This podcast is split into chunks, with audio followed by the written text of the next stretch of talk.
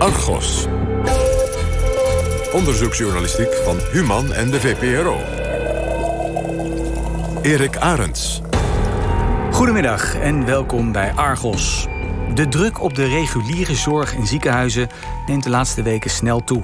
Meer dan 100.000 operaties moeten worden ingehaald. Ondertussen lijken ziekenhuizen te worden gedwongen om patiënten met COVID voor te trekken. Aman Geerbus, hoogleraar intensive care geneeskunde, kijkt daarom met verbazing naar de afwegingen die de zorgautoriteiten maken.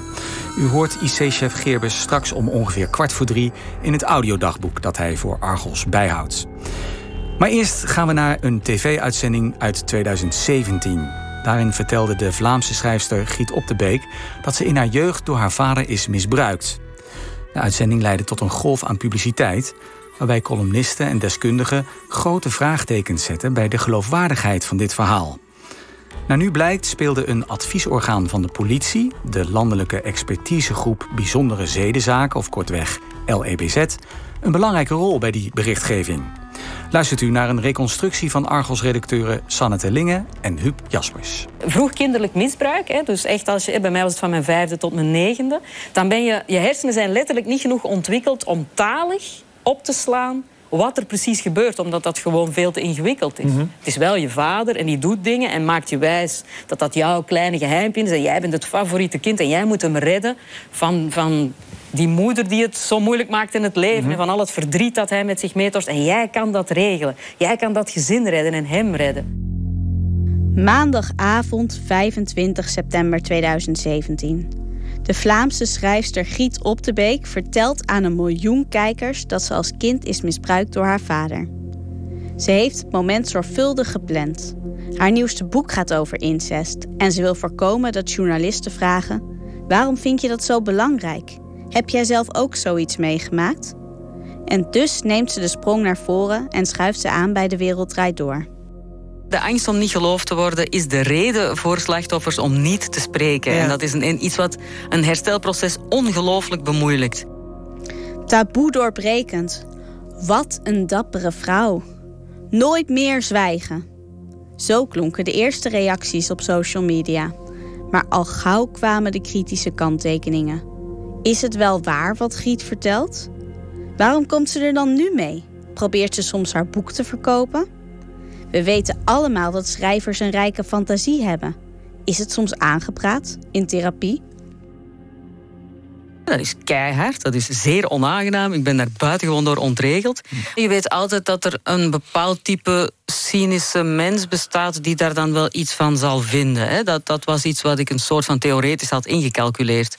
Maar dat ik het gespreksonderwerp zou worden tussen mensen op straat, dat is heel vreemd. Mijn leven is nog nooit zo weinig van mij geweest als deze week.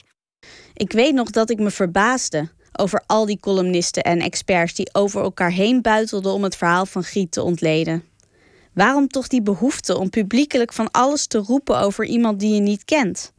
Waarom die noodzaak om te verkondigen dat het vast niet waar is wat ze vertelt?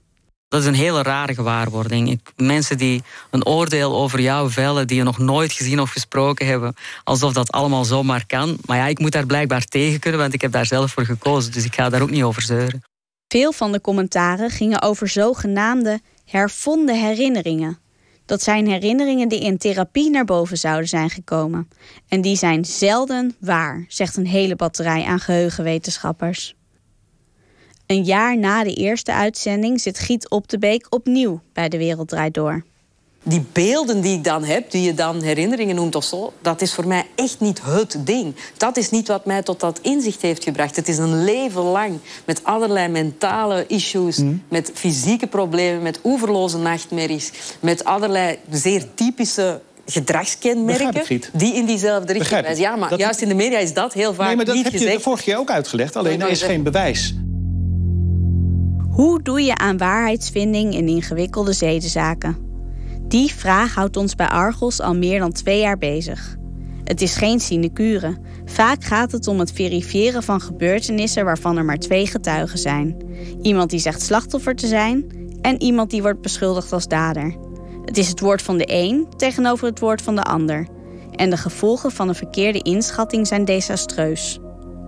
Komt bij dat het soms haast onmogelijk is om over een traumatische gebeurtenis te praten. Dat vertelde de Nederlands-Amerikaanse traumapionier Bessel van der Kolk. Zo gaat het met trauma. Iets gebeurt er, je bent ontzettend bang. Je herinner je misschien een boom of een deken of een gordijn... een gezicht van iemand. Maar een van de dingen met trauma is dat je... je herinnert je kleine stukjes heel duidelijk...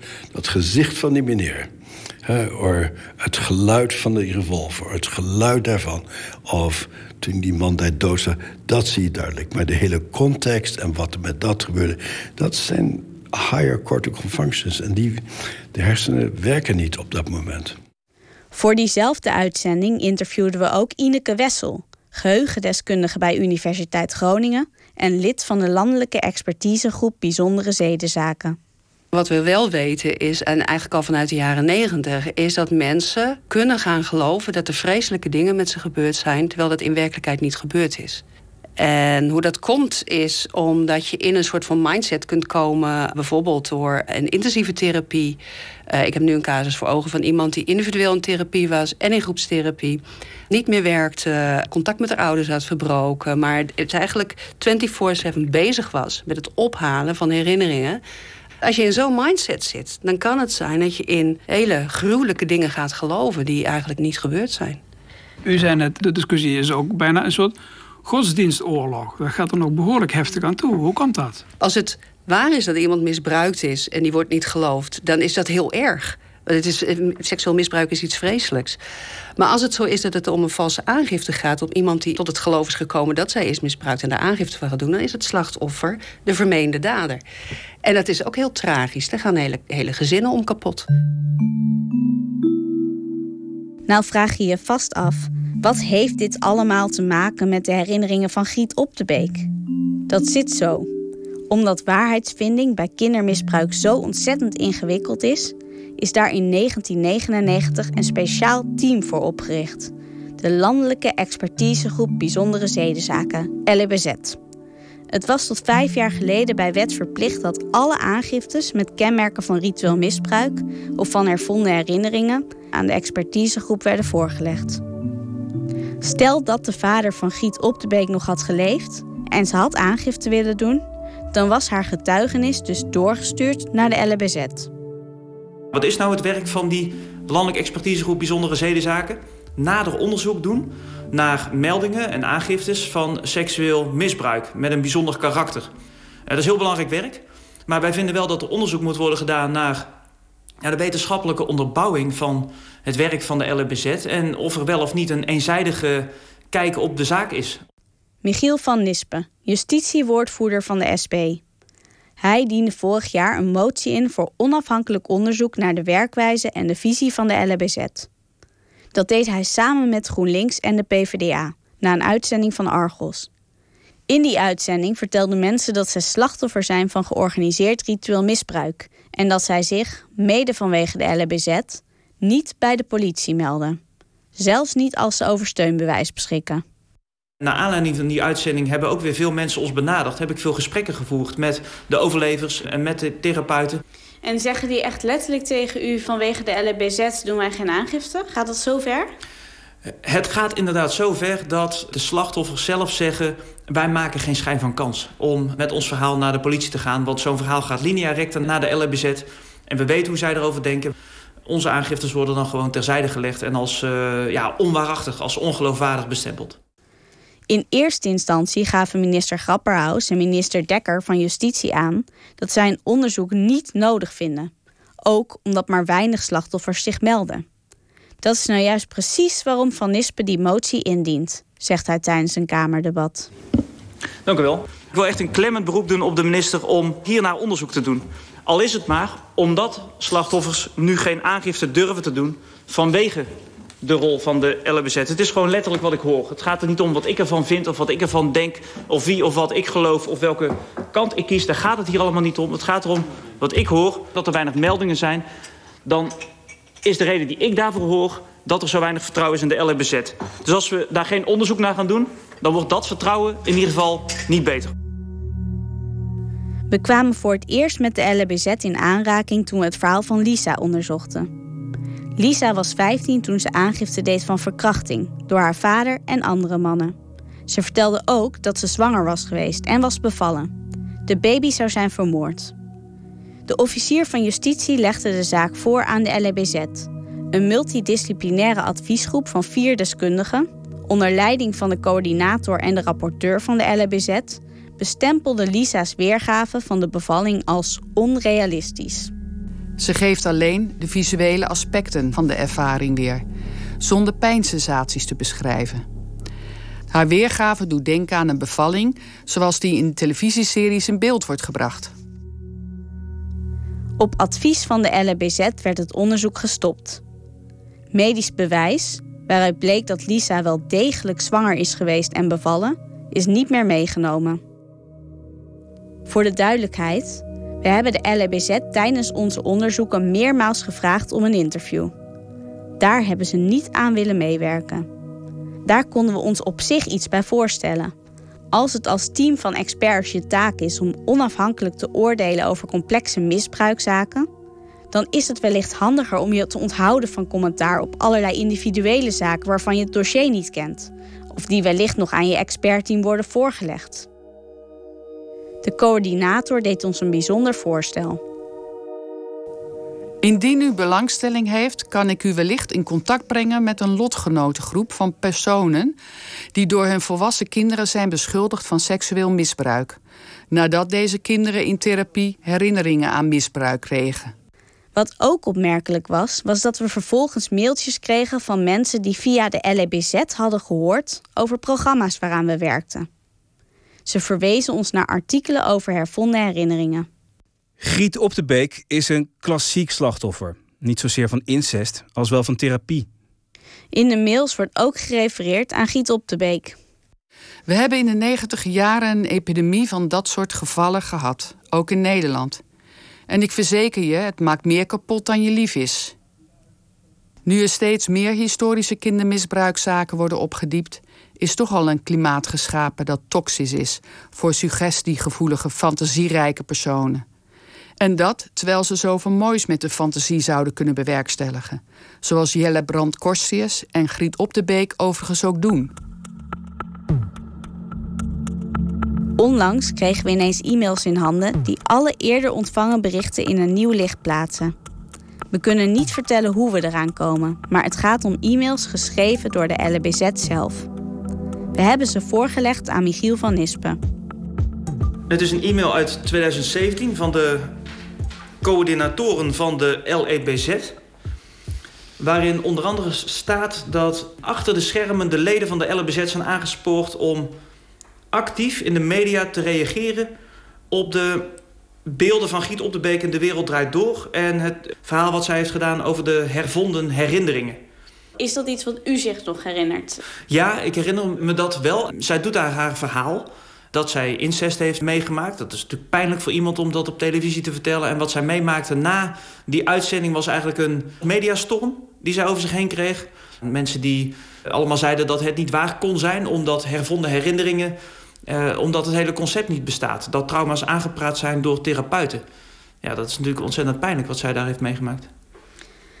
En wat vindt u ervan dat dat dus afkomstig blijkt vanuit de LBZ... of dat de LBZ daartoe heeft opgeroepen? Ja, ik vind dat buitengewoon dubieus. En dan druk ik mij voorzichtig uit. Als iemand in een kwetsbare positie vertelt over iets afschuwelijks, zoals incest... dan vind ik het niet passend voor een club, de Landelijke Expertisegroep Bijzondere Zedenzaken... die ervoor bedoeld is om op basis van dossiers en op basis van feiten... en op basis van onderzoek in een individuele zaak te adviseren aan de politie... hoe een zaak moet worden opgepakt dat zonder dat zij zijn dossier kennen... eigenlijk zich met een concrete zaak gaan bemoeien. We leggen de e-mails van de LBZ ook voor aan Jelle van Buren. Hij is gepromoveerd op complottheorieën en seksueel misbruik als onderdeel daarvan. En hij werkt aan Universiteit Leiden aan allerlei zaken op het gebied van politie en inlichtingendiensten. Wij zien hier een e-mail afkomstig van Nicole Nierop met het e-mailadres politie.nl. Dus dat duidt erop dat Nicole Nierop voor de politie werkt. Hierin is het onderwerp ervonden herinneringen En hierin wordt duidelijk gemaakt dat uh, de leden van het expertisecentrum achter de schermen, dat staat er letterlijk, achter de schermen zijn aangespoord om in de media te reageren op de hervonden herinneringen slash beelden van Griet op de Beek in De Wereld Draait Door. Met Jelle van Buren bladeren we door alle artikelen die destijds over Griet op de Beek zijn geschreven. We leggen de lijst met LBZ-leden ernaast. Je ziet dat dan deze um, leden van de expertgroep in de media met allemaal voorbeelden komen om aan te tonen dat die verdrongen herinneringen gewoon echt niet kunnen kloppen. Dat dat echt een onzinbenadering is. Bijvoorbeeld, een vrouw herinnerde zich ook dat ze tweemaal zwanger was geraakt en abortus had moeten plegen. Dit schrijft dus een lid van de expertgroep. De beschuldigingen kostten haar vader zijn baan. Maar enkele jaren later toonde medisch onderzoek aan dat de vrouw nog maagd was. En in een ander voorbeeld wordt er niet heel subtiel gezegd van ja, therapeut is ook geen beschermd beroep. Dus al die therapeuten, dat zijn toch eigenlijk een beetje kwakzalvers. Hè? Er wordt gezegd het gaat vaak om alternatieve therapieën. Die proberen contact te maken met het onderbewuste, zoals hypnose, regressietherapie, lichaamsgerichte therapie en droomduidingen.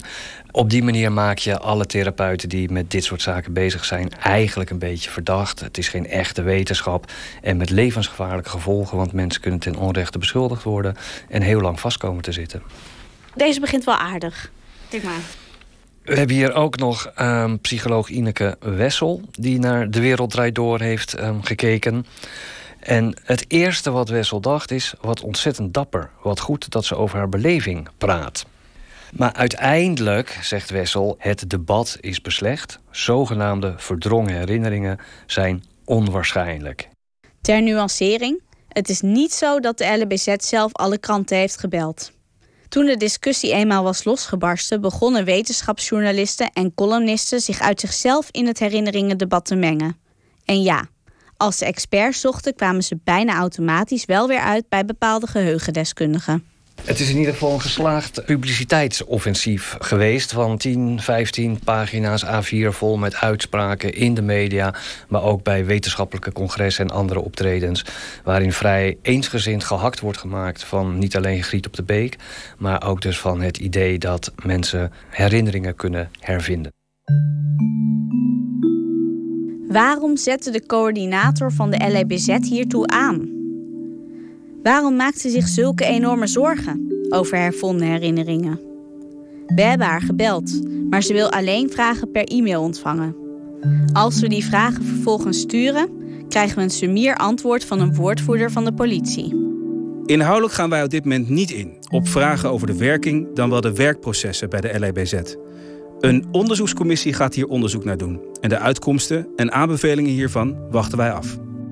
Nou weten we nog niet hoe het zit met die hervonden herinneringen.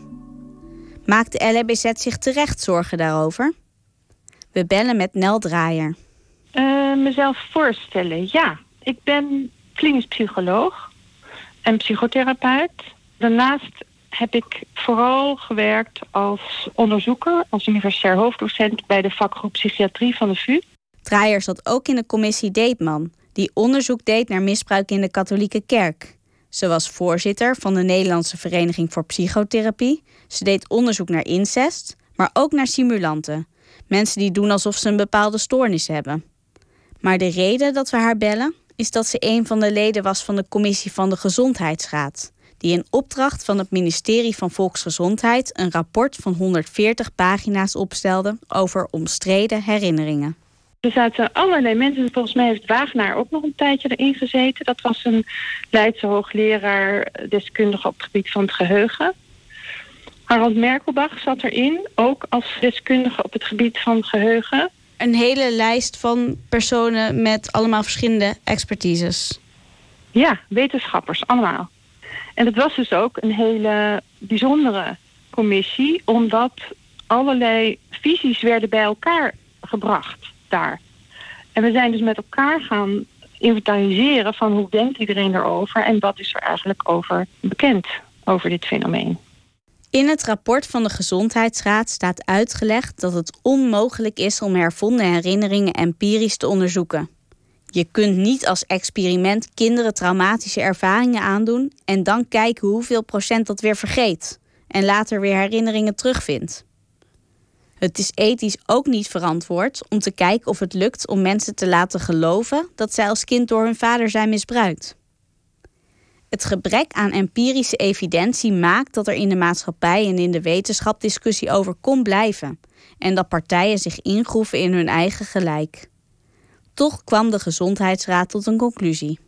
Dat er zowel herwonnen herinneringen bestaan die op waarheid berusten, als dat er fictieve herinneringen bestaan. Het is en-en. Er zijn herinneringen die verwijzen naar nare gebeurtenissen en die later boven water komen, om wat voor reden dan ook. En er zijn fictieve herinneringen. Het is allebei mogelijk. En dat is een heel complexe materie. Om aan waarheidsvinding te doen, moet je per geval kijken welke feiten eronder liggen, stelt de Gezondheidsraad. Altijd moet er extern bewijs zijn. Maar dat moet altijd toch? Of het nou een hervonden herinnering is of gewoon een herinnering. Ja. Wat mij zo verbaast is eigenlijk van de Gezondheidsraad die heeft iets geconcludeerd. Welke wetenschappelijke basis er wel en niet is voor uh, hervonden herinneringen. Nou, dat was een heel genuanceerde conclusie. Ja. En het gekke is dan, dan is er dus iemand op televisie die vertelt dat er beelden naar voren zijn gekomen. En dan stappen dus die rechtspsychologen mhm. allemaal naar voren om te zeggen: ho, ho, ho. Dat zijn waarschijnlijk fictieve herinneringen. Dus zij heropenen eigenlijk die discussie. Ja, ze doen dat in naam van de rechtswetenschap, maar ze doen dat niet in naam van de psychiatrie. Dat is ook een wetenschap. Ik heb een keer moeten debatteren hè, met Kombach toen vroeg ik aan hem, uh, professor Krombach, hoeveel van die patiënten heeft u eigenlijk gezien? Die patiënten met een dissociatieve stoornis. En toen zei hij, nou dat vind ik geen eerlijke vraag, mevrouw, want ik ben onderzoeker. Ik zeg, ja, ik ook. Maar hoeveel van die patiënten heeft u eigenlijk gezien? Nou, zero, niks, nul. En dat vind, heb ik altijd moeilijk gevonden. Dat het experimenteel onderzoek zich niet verdiept in die ernstige patiëntenpopulatie. Draaier begint uit zichzelf over de bemoeienis van de rechtspsychologen en de LBZ met de zorgstandaard dissociatieve stoornissen. Dat is een richtlijn wat de beste zorg is voor patiënten met een dissociatieve stoornis.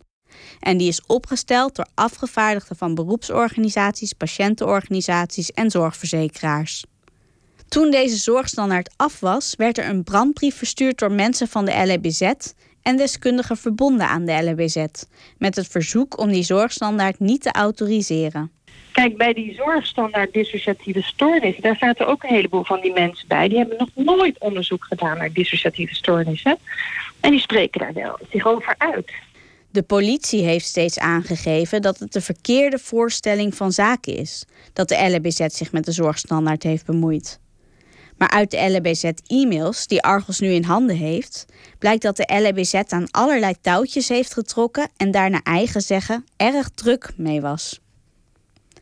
Draaier baalt ervan dat de rechtspsychologen de discussie steeds zo polariseren. Waar ik het meeste aan stoor, is dat die experimenteel psychologen steeds maar hebben over controversieel. Nou, helemaal niet. Het valt echt heel erg mee. Over dissociatieve amnesie zeggen ze ook controversieel. Hou op, schij uit. Daar is helemaal niks, geen ruzie over. Maar zij maken er steeds een strijd van, en wel eens niet een strijd. Dat vind ik heel erg. En ik vind het heel erg dat ze in artikelen psychotherapie gelijkstellen aan aanpraten, aan beïnvloeding. Psychotherapeuten werken, zeker sinds het rapport van de Gezondheidsraad, met een hele duidelijke beroepscode. Zal ik even voorlezen wat er staat in de beroepscode van de psychotherapeuten? Graag. De psychotherapeut dient zich er steeds van bewust te zijn dat er in een psychotherapeutisch contact opgekomen herinneringen wel mogelijkerwijs, maar niet noodzakelijkerwijs een accurate weergave van de werkelijkheid vormen.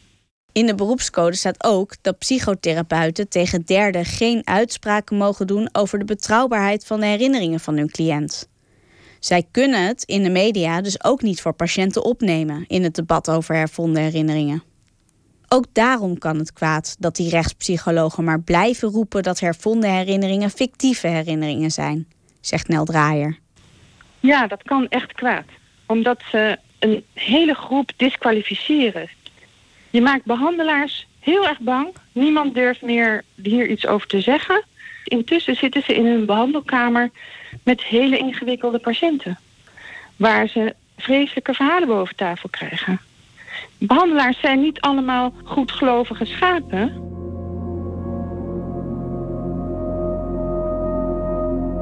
Terug naar Giet op de Beek. We hebben contact met haar opgenomen om haar over deze uitzending te vertellen. Ze heeft niet de behoefte om opnieuw haar verhaal te doen. Wat ze wilde zeggen, heeft ze gezegd. Ze heeft, een jaar nadat ze voor het eerst over incest vertelde, in de Volkskrant en in de Wereld Draait Door verteld hoe ze de hele nasleep heeft ervaren. Aan tafel succesauteur Giet op de Beek. Afgelopen zaterdag verscheen er een groot artikel in de Volkskrant over de maanden dat Giet angstig, vol zelfhaat en destructieve neigingen door het leven ging. En dat allemaal nadat, en misschien wel omdat, Giet bij ons te gast was geweest op 25 september 2017. En ze vertelde toen hier aan tafel voor het eerst dat ze er door hervonden herinneringen achter was gekomen dat ze zelf tussen haar vijfde en negende jaar door haar vader was misbruikt. De reacties waren heftig, gingen in bijna geen enkel geval over het thema incest en des te meer over die hervonden herinneringen. Was dat wel waar? Bewijs was er eigenlijk niet. Over incest had eigenlijk niemand het. En dat was nou juist de bedoeling. Mission mislukt. Zo is het, hè? Ja, ik wist al dat het taboe op misbruik heel groot was. Dat vond ik ook een van de redenen om er per se over te willen schrijven. Maar ik heb dus ontdekt dat het taboe nog een heel stuk groter is dan ik al had gedacht. Ik snap dat ergens wel. Niemand wil zich dat voorstellen. Niemand wil zich voorstellen dat een vader aan zijn dochtertje van vijf jaar zit te prutsen. Toch even voor de kijkers die het nu voor het eerst horen. Jij hebt geen enkel bewijs dat dat gebeurd is. Maar er is een bepaalde methode. Met behulp van een psycholoog ben je erachter gekomen. Dat is niet een bepaalde methode. Nou, maar leg het uit dat, je, dat er een aantal signalen zijn... waardoor jij kan afleiden, of de wetenschap kan afleiden... het is gebeurd. Ja. Dat is het, hè? Ja, het is voor alle duidelijkheid. Want ook daar zijn allemaal dingen over geschreven die helemaal niet waar zijn. Uh, maar ik ga wat daar ook niet. eh, ja, dat ik inderdaad allemaal rare alternatieve therapieën zou gedaan hebben of zo. Dat is het allemaal niet. Ik ben een super klassiek geschoolde, hele goede psychotherapeut. eh, die mij sterk genoeg heeft gemaakt om eindelijk onder ogen te zien waar je jezelf in de eerste plaats heel lang tegen verzet. Omdat je zo hoopt dat het niet waar is. Ze was vijf maanden zo depressief van alle reacties dat ze nauwelijks uit bed kon komen. Ik denk niet dat ik ooit al eens zo diep heb gezeten. Het was heel erg heftig. Het was een combinatie, denk ik, van aan de ene kant, je bent zo bang dat je niet geloofd wordt. En er is zo'n schaamte die je hebt overwonnen. En dan gaan eigenlijk allemaal mensen naar je wijzen en zeggen, zie je wel, je bent helemaal niet leuk en je mag helemaal niet meedoen. Dat raakt op die hele gevoelige plek. Juist mijn gevoel van eigenwaarde is het heftigst aangetast. We luisteren nu met nieuwe oren hoe ze blijft proberen om te benadrukken dat het niet de beelden zijn geweest die haar tot inzicht brachten dat ze is misbruikt. Het is een leven lang met allerlei mentale issues, met fysieke problemen, met oeverloze nachtmerries, met allerlei zeer typische gedragskenmerken die in diezelfde richting Begrijp ik. wijzen. Ja, maar Dat- juist in de media is dat heel vaak Nee, maar dat niet heb je gezegd. de vorige keer ook uitgelegd. Alleen er is geen bewijs. En dat is een heel simpel zinnetje. En ik ben nogmaals niet van de politie, maar er is geen bewijs. De schrijfster zat er niet voor zichzelf. Ze zat er omdat het haar dwars zit dat het in de media helemaal niet over incest is gegaan. En wat je voor kinderen kunt doen die dat hebben moeten meemaken. En in die zin is dat heel erg jammer dat al die kranten dan allemaal diezelfde plaat op hebben gelegd. Ik heb nergens een stuk gelezen van hoe herken je kinderen die helemaal proper gekleed en gekapt met de dure auto aan de schoolpoort worden afgezet en waar verschrikkelijke dingen gebeuren achter de gevel waar niemand op zit te kijken. Bij het terugzoeken van alle mediaberichten over de herinneringen van Griet valt ons nog iets op. Al in de eerste week van de mediastorm zegt de schrijfster op Radio 1 dat haar herinneringen helemaal niet in therapie zijn hervonden. Dat maken mensen er dan van. Eh, het eerste beeld is gekomen toen ik op de fiets zat. En ik ben toen moeten stoppen met fietsen. Dat is niet in de therapie gekomen. In de therapie eh, heb, je, heb ik kunnen vaststellen dat alle puzzelstukken samengelegd op een bepaald moment nog maar in één richting wezen. Ik heb geen regressietherapie gedaan of hypnosetherapie of al dat soort dingen. Precies, zou je daar over kunnen discussie discussiëren. over, Ja, ja. maar dat, eh, dus mensen maken er dan wat van. Die vraag is mij niet gesteld tot nu door jullie. Zo werkt dat helemaal niet. De LBZ-leden hebben dat interview blijkbaar niet gehoord. In de daaropvolgende weken en maanden blijven ze zich uitspreken over de herinneringen van Giet op de Beek. Politiewetenschapper Jelle van Buren. Ja, we zien hier Henry Otgaar. Die haalt Griet op de Beek aan in een college. En zegt daar um, letterlijk, dus dat vertelt hij aan de studenten... psychologen zijn ervan overtuigd dat dat geheugen vals is... dat wat zij gelooft echt totaal absurd is. In therapie zijn die herinneringen hervonden. In de wetenschap wordt dit als volkerslagen nonsens beschouwd. Dat kan niet. Ik zal ze niet allemaal laten lezen. Hier hebben we nog een wetenschappelijk artikel. Maar daar zijn ze ook lekker bezig op Twitter daarover. Wordt ja, er gediscussieerd. tegenwoordig ook. Ook daar wordt weer verwezen naar uh, de zaak Griet op de Beek, zoals het inmiddels heet. Ook daar wordt gezegd van ja, dit is weer zo'n geval van een zogenaamde hervonden herinnering. En ja, ze was daar ook gewoon om een boek aan de mens te brengen. En daarmee heeft ze waarschijnlijk alles ook even zwaar aangezet en overdreven. Hier uh, zie je dat uh, de Universiteit Maastricht aankondigt... dat de zaak Giet op de Beek uh, tot een heel nieuw college heeft geleid. Ja, inmiddels is het zelfs een incident geworden... dat professor Agnes van Binnen heeft geïnspireerd... samen met Ineke Wessel om een speciaal onderwijs te gaan geven aan therapeuten... over dat gedoe rond hervonden herinneringen. Beide zijn lid van die landelijke expertisegroep... Bijzondere Zedenzaken. En daar komen nog steeds helaas deze zaken voor, zeggen zij. Het is ook een hot topic op een congres. Het is nog geen drie weken na Op de Beeks tweede optreden bij De Wereld Draait Door. Hoogleraren Krombach en Merkelbach zitten samen op het podium. Voor alle zekerheid, die hervonden herinneringen hebben wij samen een boek geschreven. Dat heet over hervonden herinneringen en andere misverstanden. Wij schreven dat boek om deze waanzin, die zich ook in dit land alsmaar verder uitbreidde en vele slachtoffers maakte. Want de gezinnen waaruit die slachtoffers dan kwamen, die waren voorgoed bedorven. En wij schreven dat boek om dat te stoppen. En volgens mij is dat half gelukt. Maar onderaards is het er nog steeds. En op televisie, hè? In allerlei talkshows. Als dan zo'n ja. Belgische schrijfster zien, uh, ja. Griet op den Beek. Ja. ja, hoe heet ze weer? Griet, Griet op den Beek. Griet op den Beek, ja. ja. Dat is, is een alleraardigste dame als ik al hoor praten op de tv. Ik heb dat boek niet gelezen. Maar iedereen neemt dat weer. Je beweert iets. En je denkt, nou is het voorbij en dan komt het terug. Peter van Koppen is weer bij diezelfde bijeenkomsten aanwezig. Peter van Koppen heeft het wel over een lichtpuntje. En hij stelt... Het Openbaar Ministerie moet dit soort zaken tegenwoordig voorleggen... aan de landelijke expertisegroep Bijzondere Zedenzaken. Die zorgt ervoor dat veel zaken buiten het juridische systeem blijven...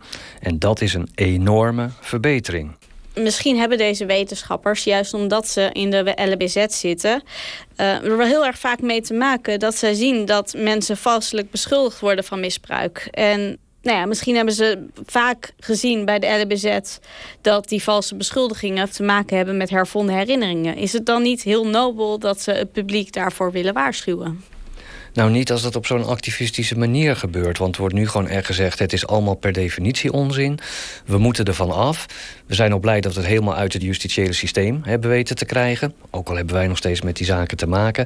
Maar dat is een veel te vergaande opstelling. Want uit het wetenschappelijk advies van bijvoorbeeld de Gezondheidsraad... blijkt dat het wel degelijk wel kan kloppen. Dus wat dat betreft ben je gehouden om elke zaak als afzonderlijke zaak te beoordelen.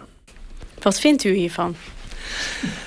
Ik vind het opmerkelijk dat er zo vanuit één visie wordt gedacht en gehandeld uh, door de expertgroep.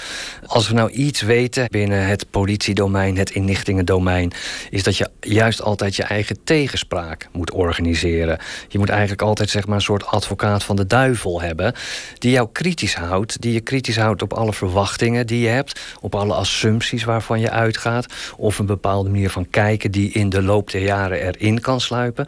Want dat gebeurt namelijk en dat op zich is geen schande. Dat, dat is ook verklaarbaar, we zijn allemaal mensen. Maar omdat je dat weet, moet je juist zorgen dat je altijd scherp wordt gehouden... door eigenlijk je eigen weerstand, je eigen tegenspraak of je eigen oppositie... heel doelbewust te organiseren. Hieruit rijst eigenlijk een compleet ander beeld uh, uh, op. Namelijk een team dat zich helemaal vastbijt in één opvatting. En dat dat ook zo ontzettend belangrijk vindt... dat ze heel actief naar buiten toe treden... om die boodschap er ook steeds weer in te hameren. Eind vorig jaar heeft de Tweede Kamer de motie met het verzoek tot onderzoek naar de werkwijze en visie van de LEBZ met algemene stemmen aangenomen. Dat betekent dat alle partijen vinden dat het onderzoek er moet komen. Maar hoe staat het er eigenlijk mee? We zijn terug bij Michiel van Nispen, Tweede Kamerlid namens de SP. Kijk, justitiële dwalingen zijn een ramp voor de betrokkenen, maar uiteindelijk ook voor de rechtsstaat. En dwalingen moeten worden voorkomen, zoveel mogelijk, en moeten worden hersteld. Neemt niet weg dat zaken wel serieus moeten worden onderzocht. En dan past het niet dat mensen die dat onderzoek doen of moeten adviseren over dat onderzoek, dat die een bepaalde stellingname hebben dat degelijk misbruik niet plaats kan vinden. En dat iedereen die herinneringen heeft vanaf een bepaalde leeftijd, dat dat niet kan kloppen. Want we weten juist uit de wetenschap dat de meningen daar nou juist over verdeeld zijn. Het kan onterecht zijn, maar het kan ook wel degelijk voorkomen. Dus is het gewoon beter dat de LBZ zich beperkt tot het doen waar ze voor opgericht zijn, namelijk concrete onderzoeken in bepaalde zaken. En niet een lobby voeren voor een bepaalde stroming die zegt dat alle hervonden herinneringen bijvoorbeeld pertinente onzin zijn. Want dan krijgen slachtoffers natuurlijk niet het vertrouwen dat zij hun verhaal moeten gaan doen bij de politie. Wat moet er nu gebeuren?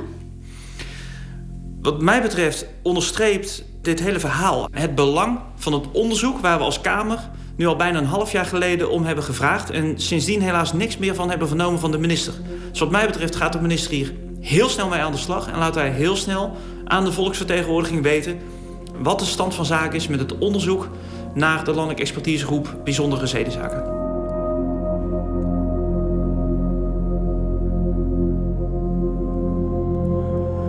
Tot zover deze reportage van Sanne Tellingen en Huub Jaspers. De techniek was in handen van Alfred Koster, eindredactie Harry Lensink. Vlak voor deze uitzending stuurde de politie toch nog een uitgebreide schriftelijke reactie op onze vragen. De woordvoerder benadrukt dat de leden van de LEBZ onafhankelijke wetenschappers zijn, die niet in een hiërarchische verhouding staan tot de coördinatoren van de LEBZ.